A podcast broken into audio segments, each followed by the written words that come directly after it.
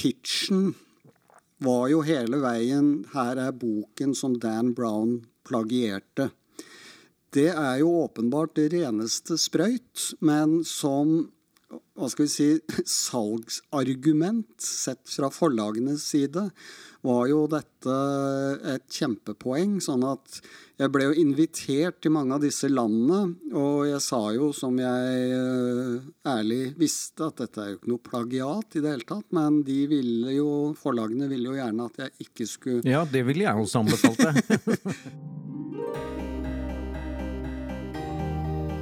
Boktips med Knut Gørvel. Dagens gjest Tom Egeland.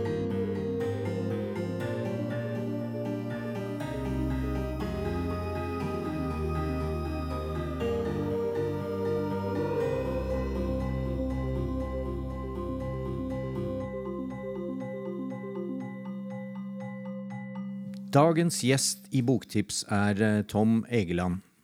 Han er eh, årets festivalforfatter på Krimfestivalen nå i mars, og er en av våre fremste krimforfattere. Han debuterte allerede i 1988 med grøsseren Stien mot fortiden, og siden den gang har han gitt ut over et tyvetalls bøker. Han har også vært en av de fremste ambassadørene for krimlitteratur her i landet, og var bl.a. president, som det faktisk heter, i Krimforfatternes klubb, Rivertonklubben, fra 2015 til 2019. Og i dag er han altså her i Boktips. Velkommen, Tom Egeland. Tusen takk skal du ha. Du, eh, I denne podkasten så snakker vi jo eh, da litt om forfatterskapet ditt, men også om eh, bøker som har betydd mest for deg opp gjennom livet. Vi begynner jo da med forfatterskapet. Du begynte, som jeg sa innledningsvis, i 1988. Men det store gjennombruddet kom jo med sirkelens ende, da verden begynte å lure på om eh, Dan Brown hadde plagiert det med Da Vinci-koden. Kan du fortelle litt om det? Sirkelens ende utkom i 2001, som heldigvis var to år før da Vinci-koden utkom. Og mm, Aftenposten oppdaget jo et sett med påfallende likheter og skrev en større reportasje om det. Og dermed eksploderte jo salget av Sirkelens ende. Den hadde vel på egne bein eh, solgt oppunder 10 000 i eksemplarer i 2001. Eh, og, og så ble den jo da trykt opp i stadig nye opplag, 10 000, 10 000, 10 000, og, og endte jo opp på hundretusentallet. Men begynte jo også å bli oversatt til eh, mange språk, altså 24 språk etter hvert. Um, og pitchen var jo hele veien 'Her er boken som Dan Brown plagierte'.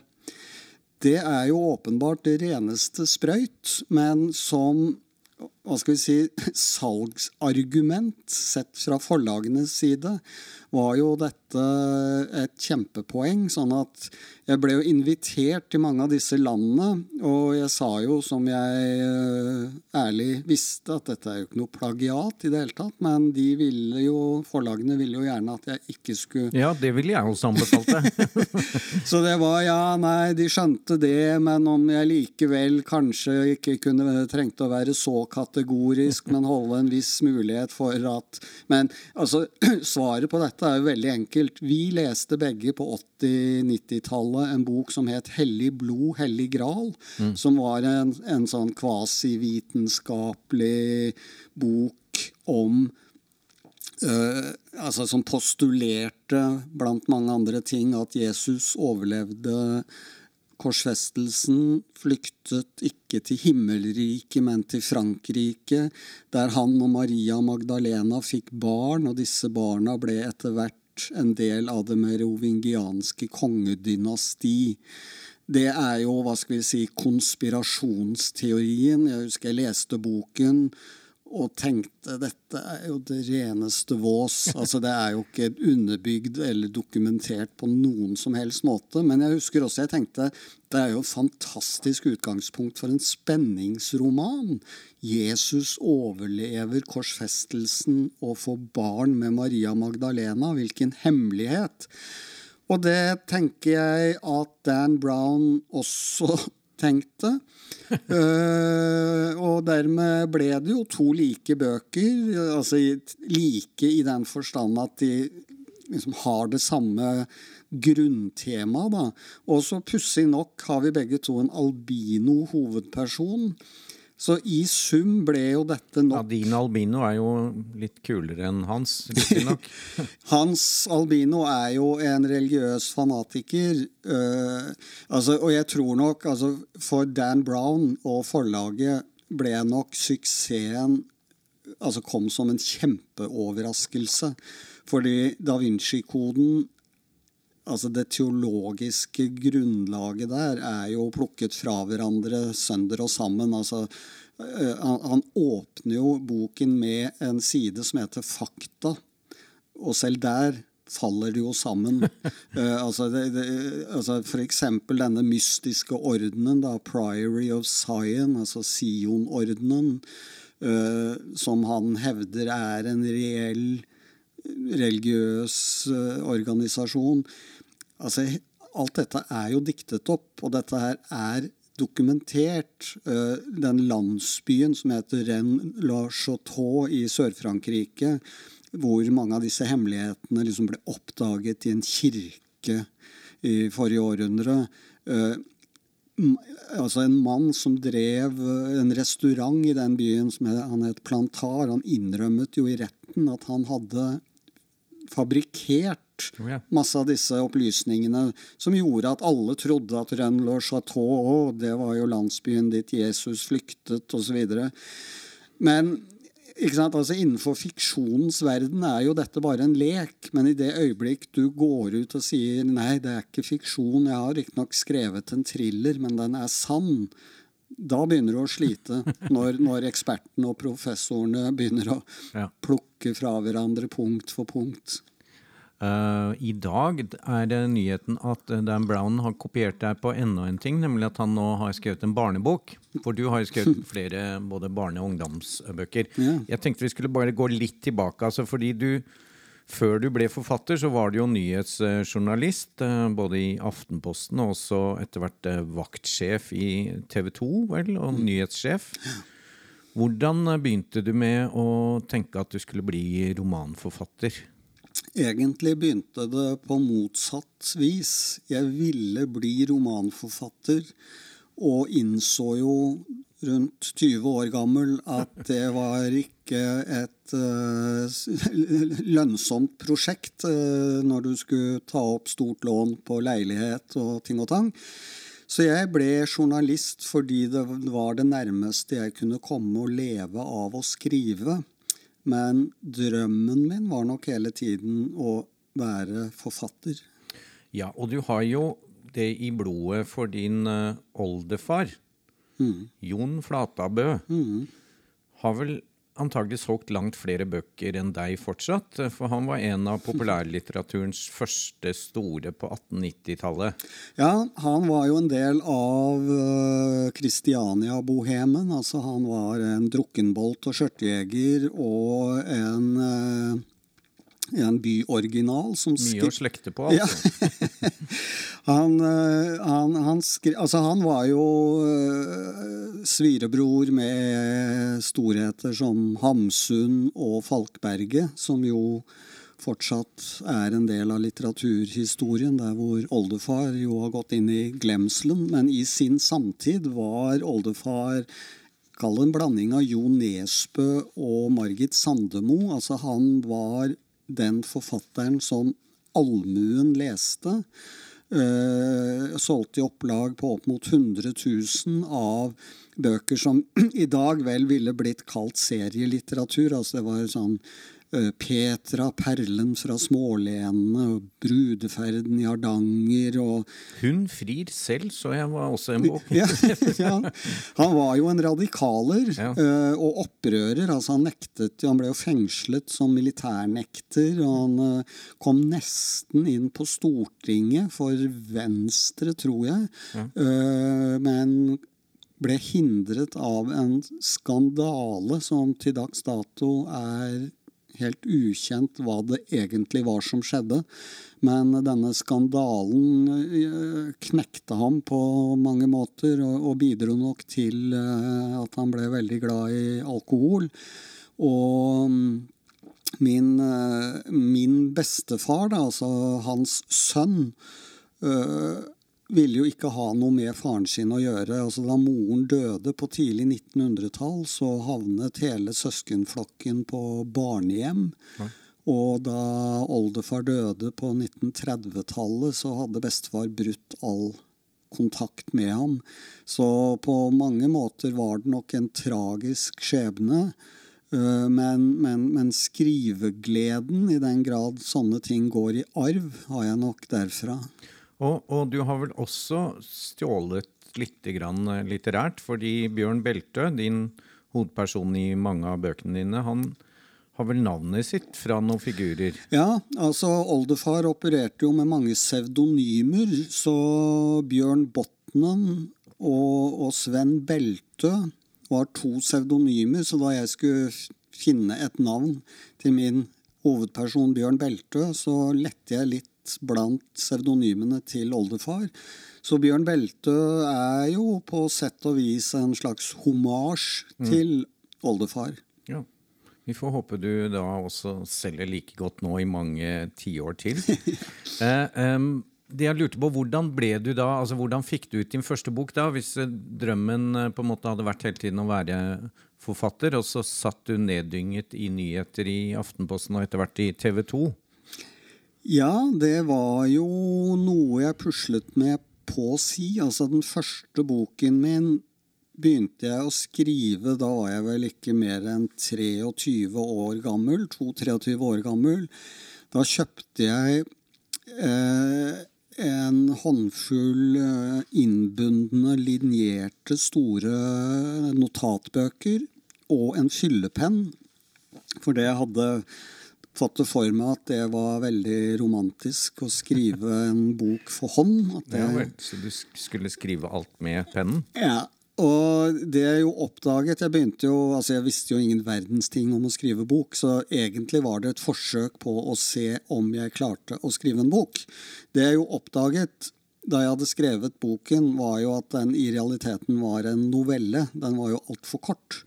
Eh, så det jeg da gjorde, var jo, i motsetning til det veldig mange wannabe-forfattere gjør, å gi opp. var jo at jeg tenkte ok, dette var jo altfor kort. Eh, Jeg må ha en bok som er sånn omtrent ti ganger så lang. Eh, Så da lot jeg den originale boken bli et slags manuskript i den egentlige romanen, eh, som ble sendt til en mystisk professor som visste noe om bakteppet for disse hendelsene. Altså dette er jo en, en, en, en slags grøsseroman om en tidsreise. Altså den åpner med et ektepar som kjører av veien i Telemark og kommer til seg selv igjen i fortiden. Og så klarer ektemannen i dette paret å karre seg tilbake til nåtiden, og skriver da denne teksten, som var liksom min originalroman, men bare altfor kort. Eh, Og, og, og så sender han den til en professor i Oslo som på en måte kjenner historikken til dette stedet der ulykken skjedde, og kan sette dette inn i en større kontekst. Da.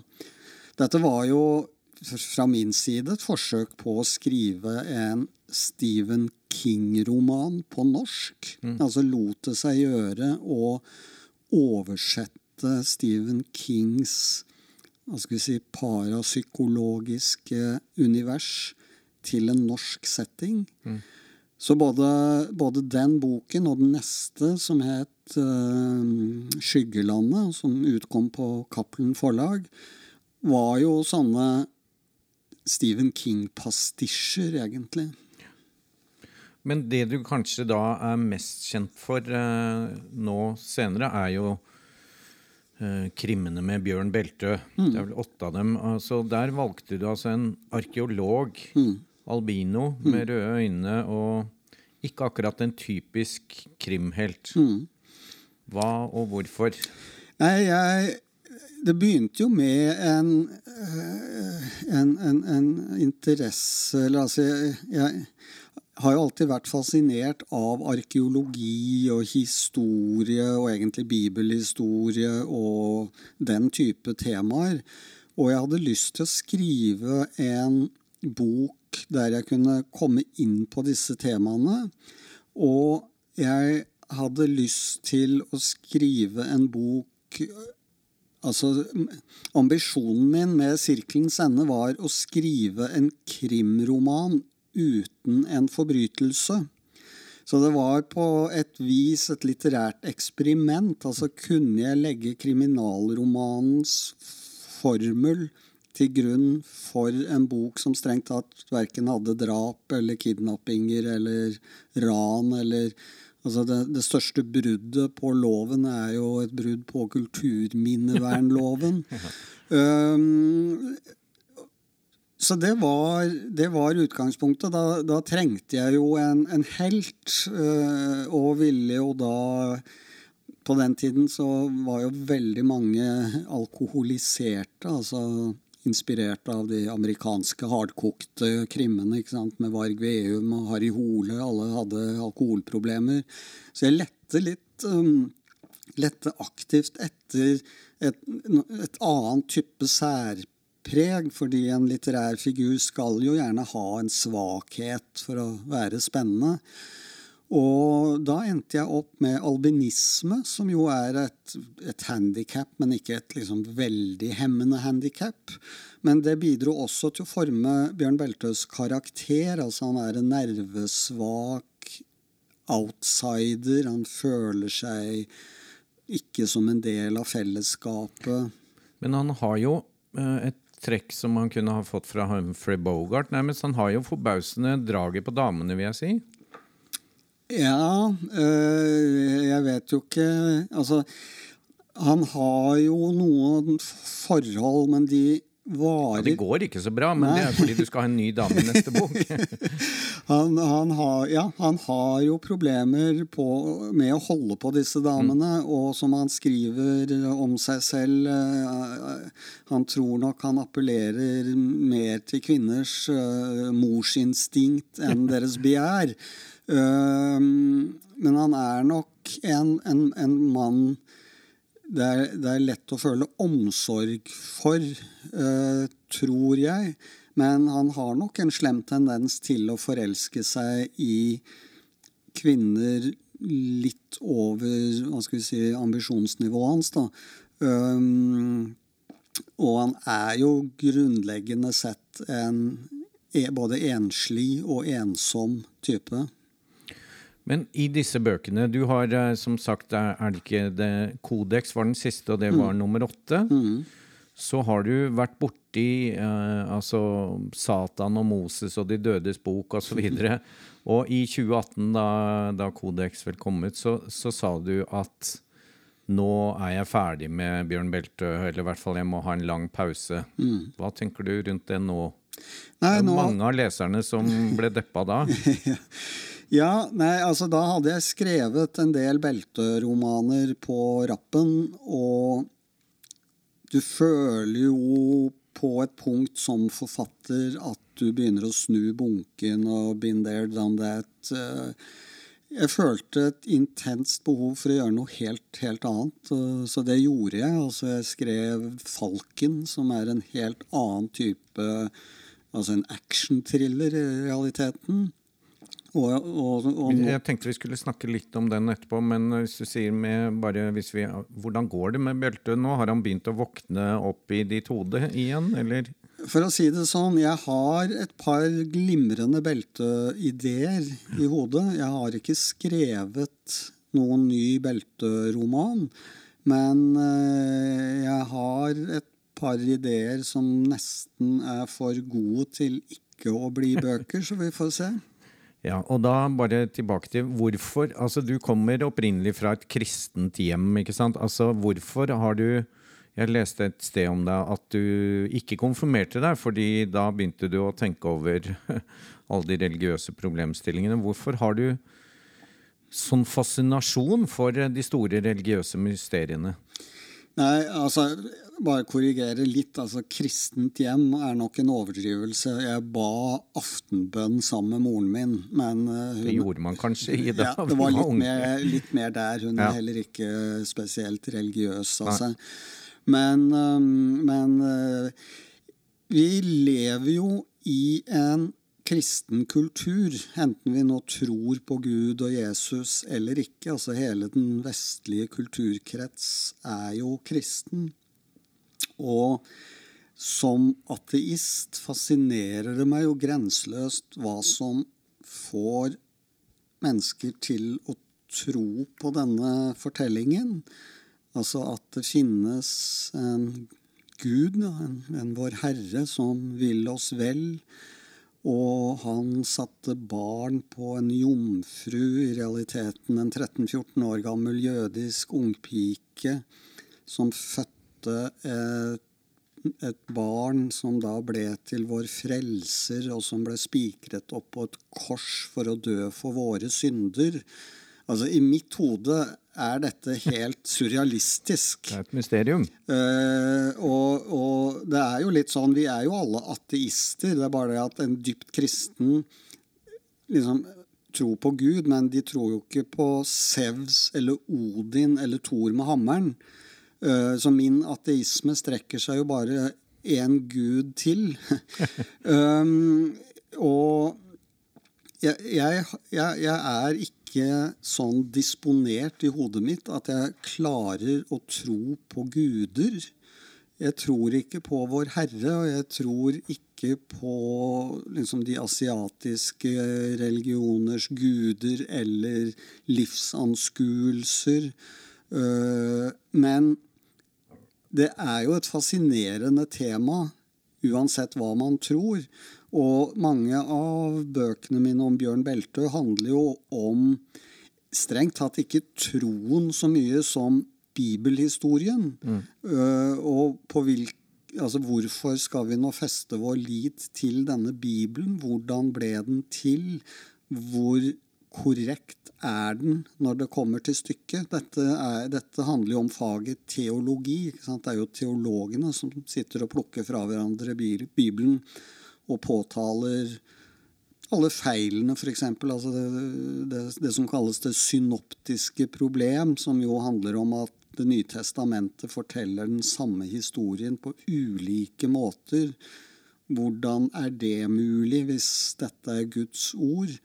Mange temaer innenfor teologien som jeg syns er utrolig fascinerende å fortelle om, og som i liten grad er kjent blant folk flest. Altså Teologene og prestene vet jo alt om dette. De vet jo mye mer enn meg om det. Men, men, men folk flest tror jo teologi er et litt sånn tørt, kjedelig fag. Uh, og, og det, det, har du klart å vise oss at det ikke er. Så det er jo veldig mange lesere som er takknemlige for. Ja. Du, uh, da skal vi, tenkte jeg, snakke litt grann om uh, f.eks. Falken. da. Du har jo skrevet tidligere om uh, den typen action-thriller, sånn som 'Ulvenatten', som mm. også hun En av personene i Falken, Kristin By, mm. er med som Hun er jo nyhetsjournalist mm. i en TV-kanal. men da du skrev Falken, Eh, det er jo Det må vel være antagelig den første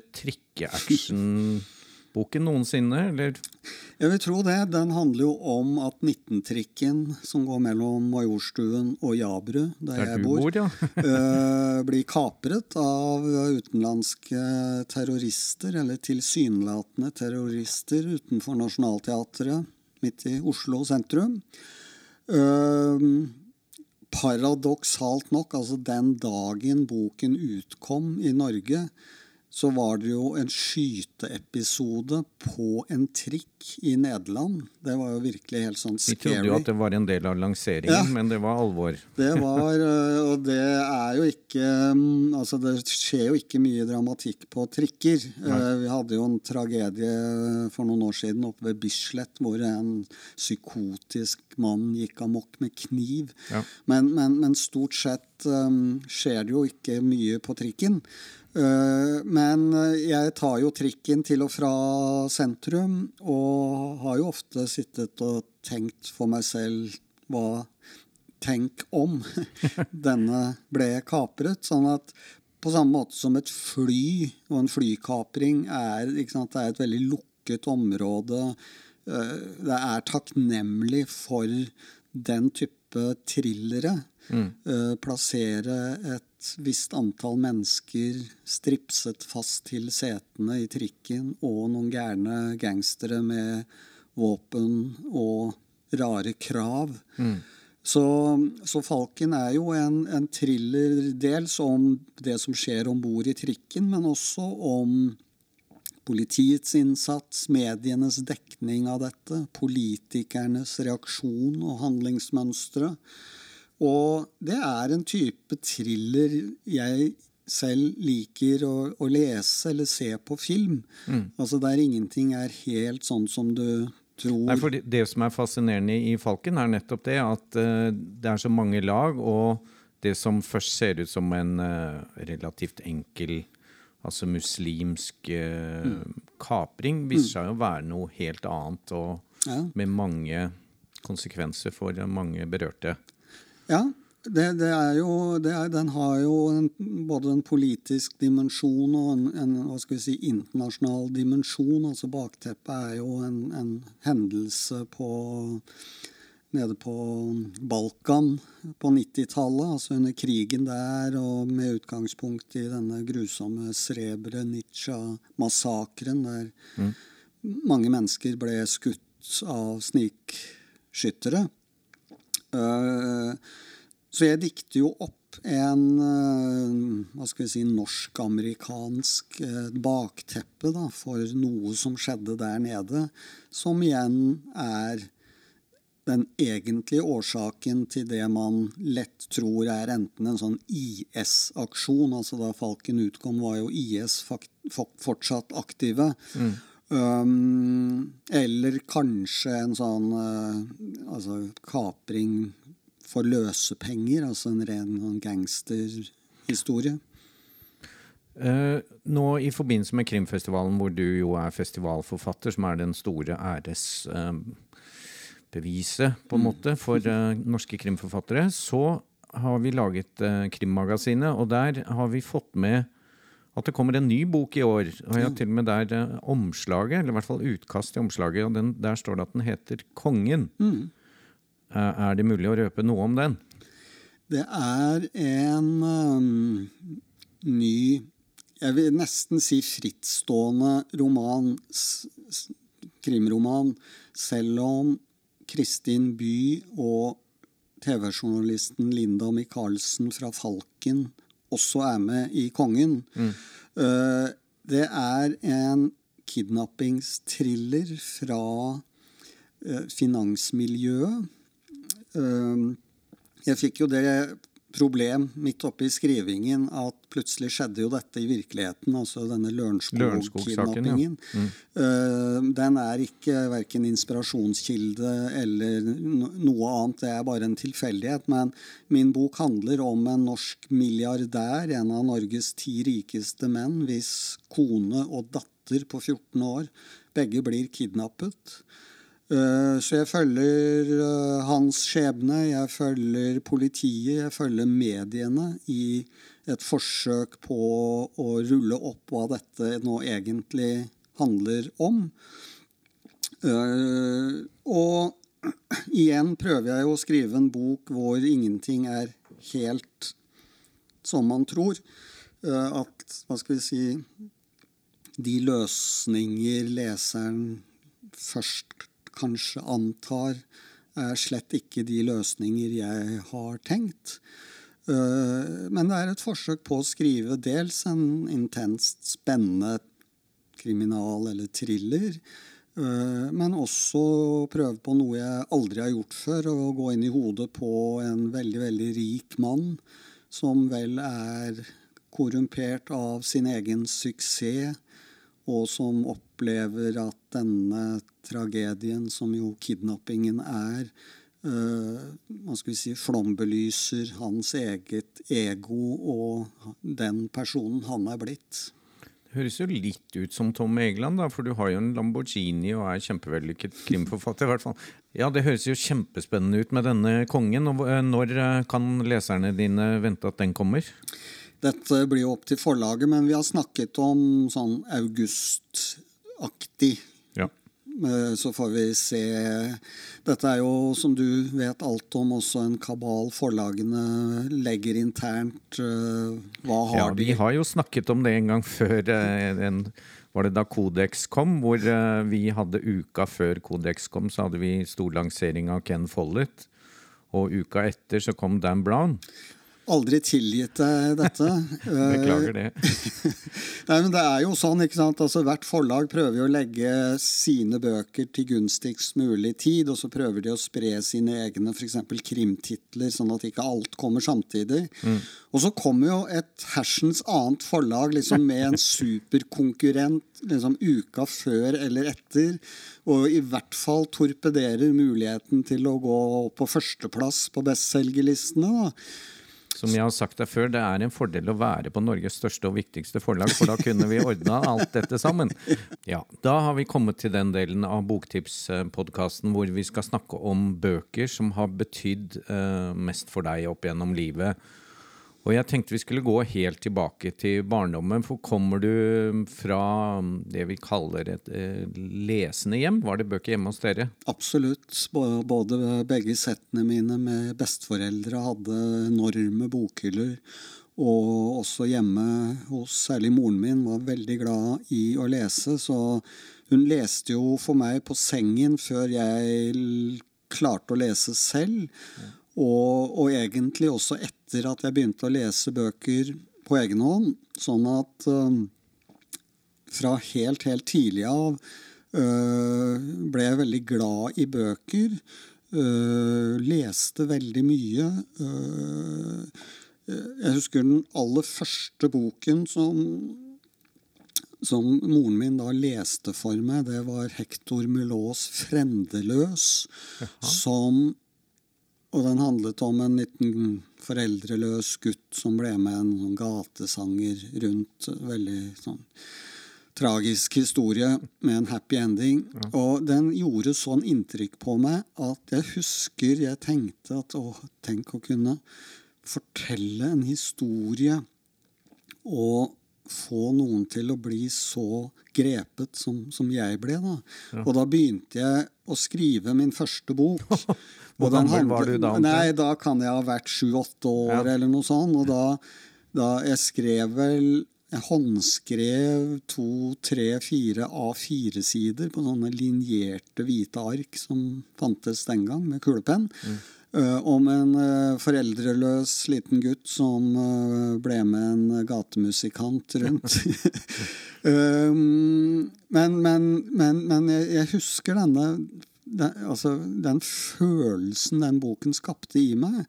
Og, og så og, og, og dermed var jeg i full gang. Jeg husker bl.a. en bok som het 'Oter 3 to kaller', Ja. som var en veldig sånn spennende Arthur Omre, det var ja, som var en sånn spennende barnebok. Og jeg begynte veldig tidlig å interessere meg også for krim. Øh, Jeg leste altså, klassikerne, da, altså Conan Doyle og Christie. Ja, men nå hopper du fort. Du kan ikke ha gjort dette som veldig ung? Altså Ja. på ungdomsskole? eller Ja, da var jeg vel 10-12 år Ja. da jeg begynte på Yes, ja. den. Og, da, og det var Alistair MacLean Altså, jeg leste egentlig hele den internasjonale og for så vidt norske katalogen. For det på mitt barndomsbibliotek, Bibberen på Nordtvet, så var det en hylle for krim og spenning. Ja. Og den var liksom en meter bred og fem, seks, sju hyller. Du begynte på A. Ja, ja, nærmest. Altså, jeg tømte jo Jeg leste absolutt alt. Uh, og, og, og, og, hadde jo en, allerede da en forkjærlighet for spenningsbøker. Ja, hva var um, favorittene da, som Maclean og Bagley og sånn? Ja, altså Mac Maclean var jo hakket hvassere enn Bagley, som vel var en slags kopi. Mm. Men ja, altså Fredrik Forsyth, uh, André Bjerke eller altså Bernhard Borge. Bernhard Borge-bøkene slukte jeg jo. Uh, altså alt. altså Sherlock Holmes, Christie Alle disse klassiske krimbøkene bøkene. På den tiden, altså dette var jo i overgangen 60-70 og utover på 70-tallet, så utkom det jo nesten ikke norsk krim. ikke sant? Nå kommer det jo 30-40-50 norskskrevne krimbøker i året. På den tiden kom det kanskje én år om annet. Ja, Gunnar Staalesen ga jo ut på 70-tallet, og da kom de rett i pocket, disse ja. krim, for det var liksom ikke bra nok til å komme i helt sturent. Men, men, det var jo det, det, det fantes jo noen krimbøker, uh, altså norske krimbøker, så jeg, fikk jo med meg dem. Men, men det, var jo først på midten av 70-tallet at det eksploderte, og ikke minst utover 80-tallet, uh, med, med, stadig flere norske krimforfattere. Litt tilbake til um, Du gikk på Katta, eller Oslo katedralskole. Mm. Eh, det var vel ikke bare krim i den gang? Altså, Hva leste du av annet da du begynte å, å få sansen for eh, voksenbøker? Jeg var veldig glad i Hemingway, f.eks. Leste mye Hemingway. Jeg leste jo også en del av de bøkene du følte du måtte eller skulle ha lest. Altså Hamsun, Undset også Trygve Gulbrandsen ble jeg veldig begeistret for. Som jeg trodde var noe liksom sånn ordentlig ræl. Nesten som først... oldefaren din? Ja, Løs altså, og ledig. Når, ikke sant? når du mm. først satte deg ned med Trygve Gulbrandsen og bakom synger skogen og disse altså Det er klart det er jo på en måte kan du si formellitteratur, men altså, de, de, var jo godt skrevet. da. Mm. Uh, så, så jeg, Men jeg var nok aldri noen stor leser av uh, Hva skal vi si den, den, den, tunge, klassiske litteraturen. Altså jeg syntes nok, og synes vel fortsatt, at Kafka og Dostojevskij og disse er relativt tungt å lese. Uh, jeg har nok en fascinasjon i retning av den mer sånn angloamerikanske fortellende uh, roman mer enn hva skal vi si, idéromaner. Og... Jeg ville jo trodd at uh, Raskolnikov, eller 'Forbrytelse og straff', og 'Brødrene Karamazov' av Dostojevskij skulle vært liksom midt i blinken for deg med krim og drap. Ja, altså, det, det, er, det, er, jo det evige temaet innenfor, innenfor kriminallitteraturen. Altså, er det krim? Mm. Uh, og der er jo to skoler. Den ene skolen mener selvsagt er det krim. En annen skole mener at overhodet ikke, fordi krimmen har et sett med konvensjoner som de bøkene ikke tilfredsstiller. Uh, jeg er Altså, jeg, jeg syns jo f.eks. Selines eh, bøker er fantastiske og humoristiske. Og jeg leser jo også hva skal vi si, ikke-krim. altså John Fowles, f.eks., er jeg veldig begeistret for. Ja, men Kan du si en tittel 'Den franske løytnantens kvinne'? Ikke sant? Mm. Nydelig bok, hvor han også er veldig sånn eksperimentell i det at han på nærmest viktoriansk vis henvender seg til leseren og har f.eks. tre-fire avslutninger på Den mm. franske løytnants kvinne.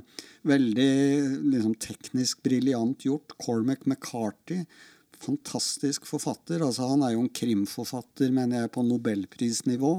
Altså 'Intet land for gamle menn', er det det den heter, mm. er jo en, en, en, krimroman av ypperste klasse. Ian McEwan syns jeg skriver nydelige bøker, altså om forlatelse, f.eks., som både har disse episke dimensjonene, men også er skrevet på et hva skal vi si, lyrisk høyt nivå. Ja. Uh, Garcia Marquez og disse den hva skal vi si, søramerikanske tradisjon.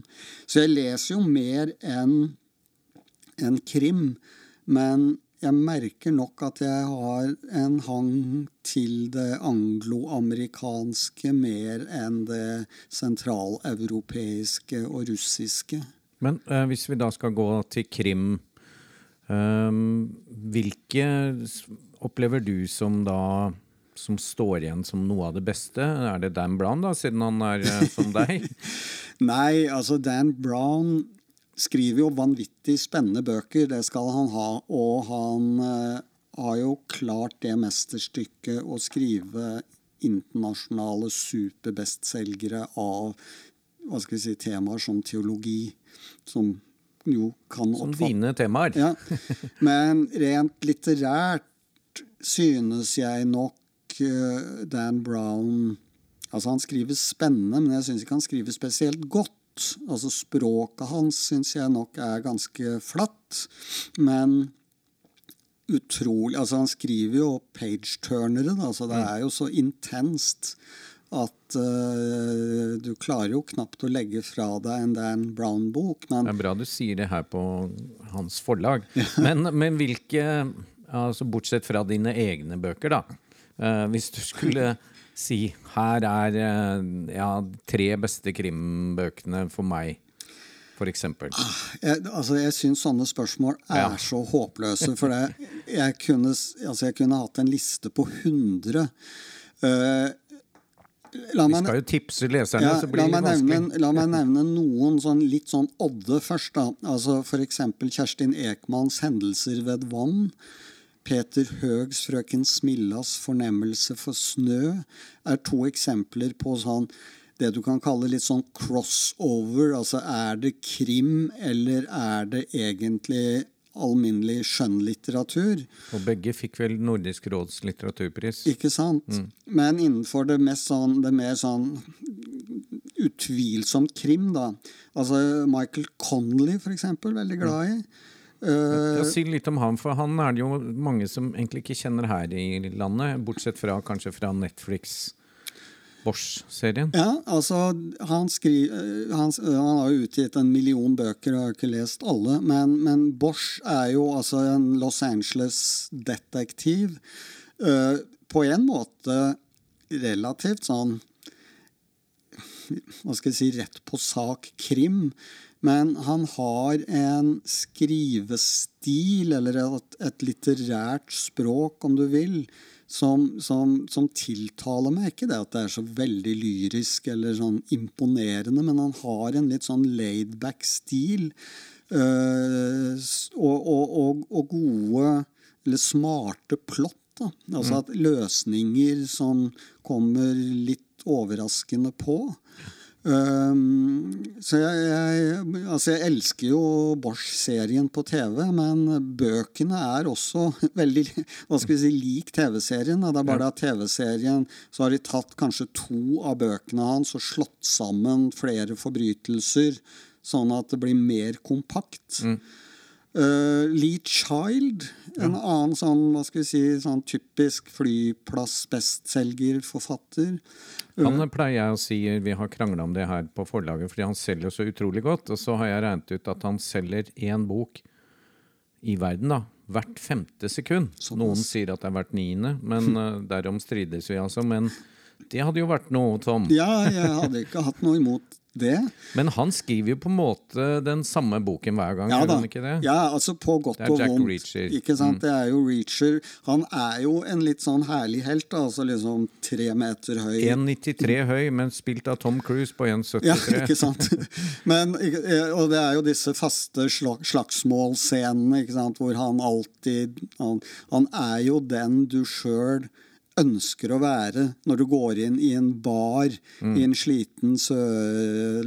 Eller altså en amerikansk Sørstats, bar, sørstatsbar, og det kommer noen sånn tjukke motorsykkelduder bort og skal banke deg opp for det du så på kjæresten hans, og så bare liksom denger han alle ti og rusler ut.